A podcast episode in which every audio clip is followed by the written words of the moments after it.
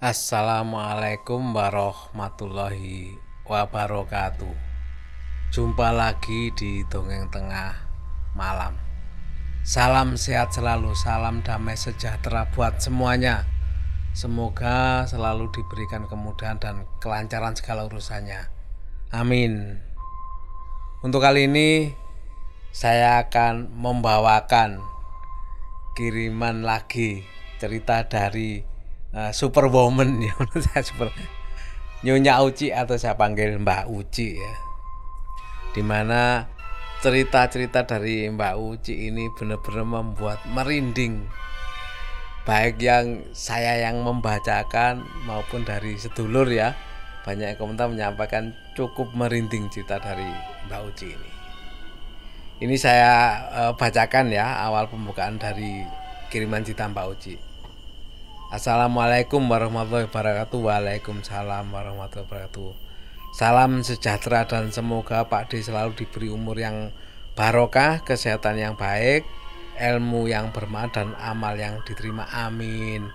Amin Mbak Uci. Terima kasih uh, doanya. Alhamdulillah masih diberi kesempatan untuk berbagi di pengalaman di dongeng tengah malam. Semoga bermanfaat dan menjadikan pelajaran bagi kita untuk lebih dekat dengan Allah Subhanahu wa taala. Amin. Betul. Itu yang diharapkan Mbak Uci. Tapi sebelum kita lanjut ke cerita dari Mbak Uci ini ya, saya ingatkan lagi yang belum subscribe monggo di subscribe dulu ya. Jangan lupa klik like-nya dan tulis komentarnya. Yang di Spotify jangan lupa follow dongeng tengah malam supaya tetap bisa mengikuti cerita dari Pak D. Alvan.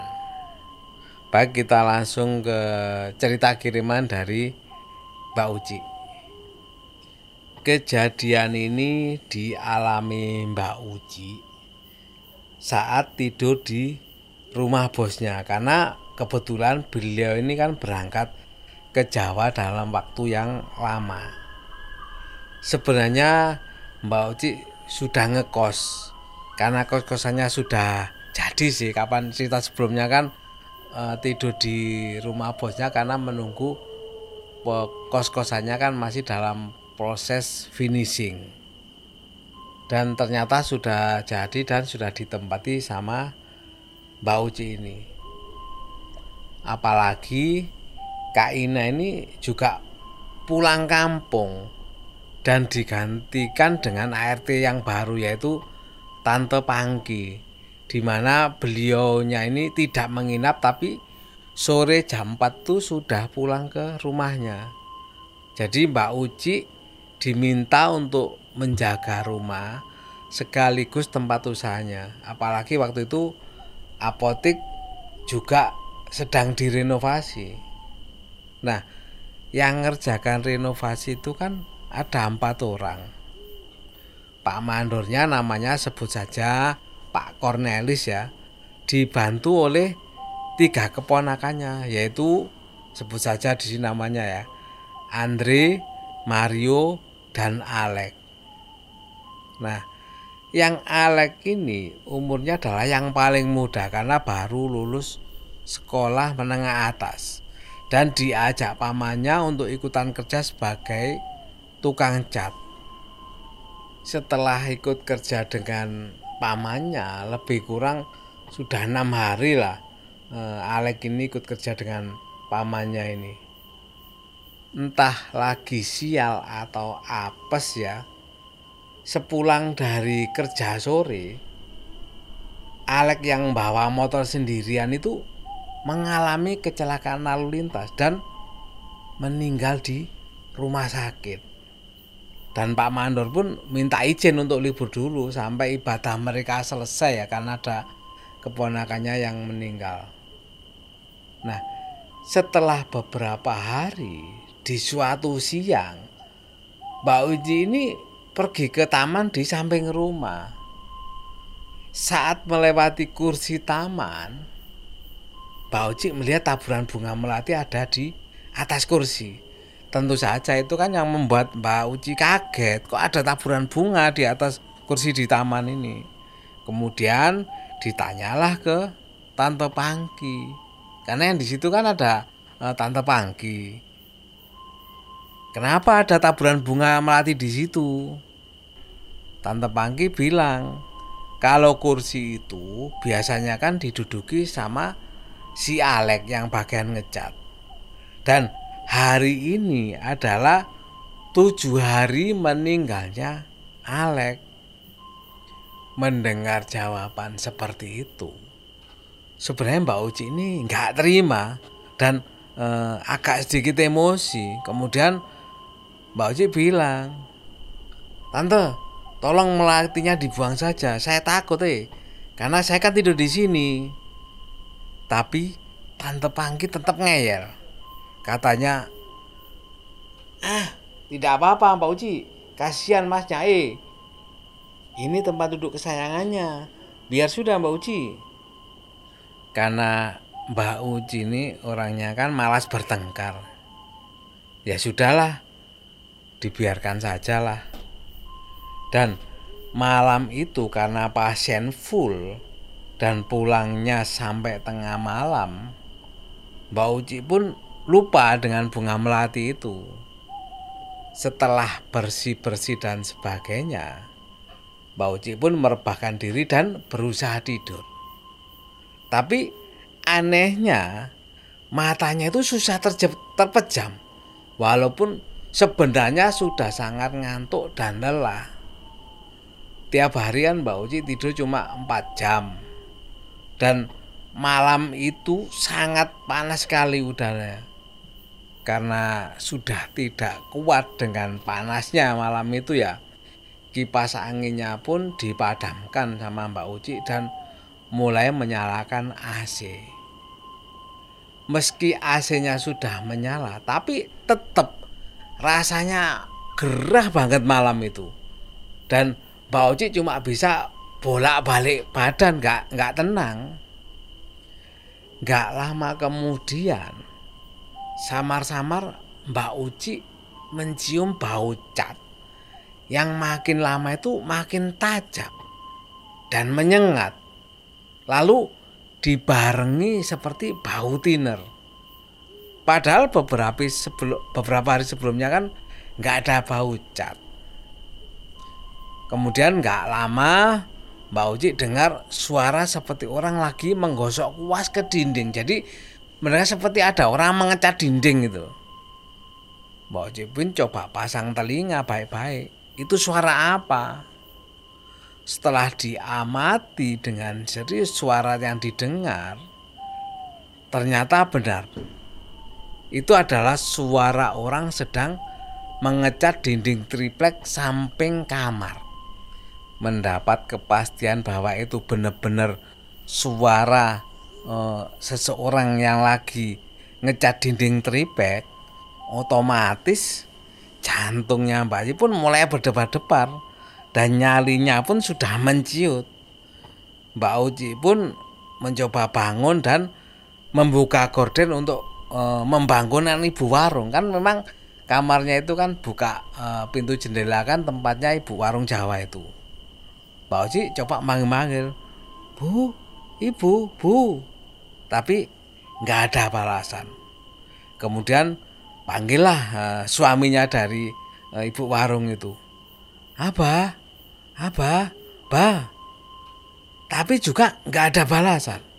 Ya mungkin tidur nyenyak kali ya. Mbak Uci pun ya coba kembali tidur menghadap ke rak buku sambil membaca doa-doa. Tetapi tiba-tiba bulu kuduknya Mbak Uci pun mulai berdiri. Dari tengkuk sampai kaki itu merinding semua. Bau cat pun makin tajam, kemudian dibarengin dengan bau tiner. Gak lama setelah bau cat, tercium bau aroma melati, dan terakhir tercium bau busuk badannya Mbak Uci pun mulai menggigil karena e, ciut nyalinya tadi ketakutan lah ya. Sambil memejamkan mata, Mbak Uci pun berbalik badan menghadap ke dinding dan refleks Mbak Uci membuka mata. Ya Allah, begitu membuka mata, Mbak Uci melihat di situ bersandar di dinding itu meringkuk dalam posisi duduk ada sesosok pocong. Itu memandang ke arahnya Mbak Uci dengan wajah putih seperti tembok dengan mulut mengeluarkan darah. Dan sosok itu adalah sosok Pak tukang saking kaget dan takutnya Mbak Uci kan mau menjerit. Tetapi Mbak Uci tidak bisa menjerit. Jadi lehernya itu seperti tercekik. Dan nggak bisa mengeluarkan suara sama sekali. Akhirnya Mbak Uci pun mencoba e, berdoa ya. Membaca ayat kursi sampai saking takutnya ya membaca sampai salah-salah karena tenggorokannya ini seperti tersumbat juga dan Mbak Uci pun menarik bantal di kepalanya untuk menutupi mukanya sambil pelan-pelan mengatur e, napasnya supaya lebih tenang. Dan sambil pelan-pelan juga Mbak Uci membaca ayat kursi terus menerus ya sampai Mbak Uci ini ketiduran. Sampai besoknya dengan pengalaman yang dialami Mbak Uci di rumah bosnya semalam, Mbak Uci pun memutuskan untuk beberapa hari ke depan tidak tidur di rumah bosnya tersebut dan pulang ke tempat kosnya. Katanya Mbak Uci, memang benar. Kadang ada yang bilang tidak baca doa. Bukannya tidak membaca doa ya. Tapi tiap orang secara fisik berbeda dalam menunjukkan reaksinya ketika mengalami hal-hal yang mengejutkan seperti itu. Seperti yang dialami Mbak Uci saat mengalami hal-hal yang tiba-tiba ada di depan mata yang bikin kaget jantungnya Mbak Uci ini bisa kram sakit sekali katanya. Otak seperti mampet bahkan kedua kakinya pun bisa terkunci tidak bisa digerakkan karena kaget. Jangankan hal mistis ya. Dikagetin sekedar bercanda saja dan jantungnya Mbak Uci ini bisa kram. Tapi mungkin oh ada orang lain yang lebih kuat ya apabila mengalami hal-hal atau kejadian seperti itu. Karena memang tiap orang kan beda-beda ya kemampuan fisiknya. Itu tadi pengalaman dari Mbak Uci. Dan juga ada note dari Mbak Uci. Eh, ditunggu pengalaman berikutnya. Dan juga ada pertanyaan nih dari Mbak Uci Pak De kalau hari Sabtu dan Minggu eh, memang dong tengah malam tidak tayang kah? E, sebenarnya sih pingin tayang ya hari Sabtu dan Minggu ini. Tapi kebetulan kalau hari Sabtu dan Minggu ini kan e, Pak D juga ada orang tua yang yang umurnya sudah cukup ya. Makanya biasanya Sabtu atau Minggu dipakai Pak D untuk mengunjungi orang tua. Kebetulan tinggal ibu aja. Karena kebetulan ada uh, orang tua sama mertua juga sama-sama umurnya sudah cukup ya. Bahkan sudah mencapai akad di atas 80 makanya ini kesempatan mumpung masih ada orang tua itu dipakai untuk mengunjungi. Tapi kalau ada waktu luang insya Allah saya akan eh, tayang ya di YouTube hari Sabtu dan Minggu Terima kasih Mbak Oci itu tadi jawaban dari Pak D ya untuk pertanyaannya Mbak Oci. Terima kasih Mbak Oci atas kiriman ceritanya. Ditunggu next cerita dari Mbak Uci lagi. Dan untuk sedulurku semua bisa komentar ini Mbak Uci si wanita pemberani ya wanita super ya monggo diberikan komentarnya. Untuk yang mau ngirim cerita dari situ dongeng tengah malam bisa via email ya. Emailnya dongeng tengah malam at gmail.com juga saya sampaikan terima kasih kepada sedulur dongeng tengah malam semuanya yang masih selalu tetap setia mendengarkan cerita dari Pak D. Sebelum saya akhiri, saya ingat lagi yang belum subscribe monggo. Sekarang di subscribe dulu. Yang di Spotify yang belum follow monggo. Sekarang di follow dulu. Terima kasih semuanya. Saya akhiri. Wassalamualaikum warahmatullahi wabarakatuh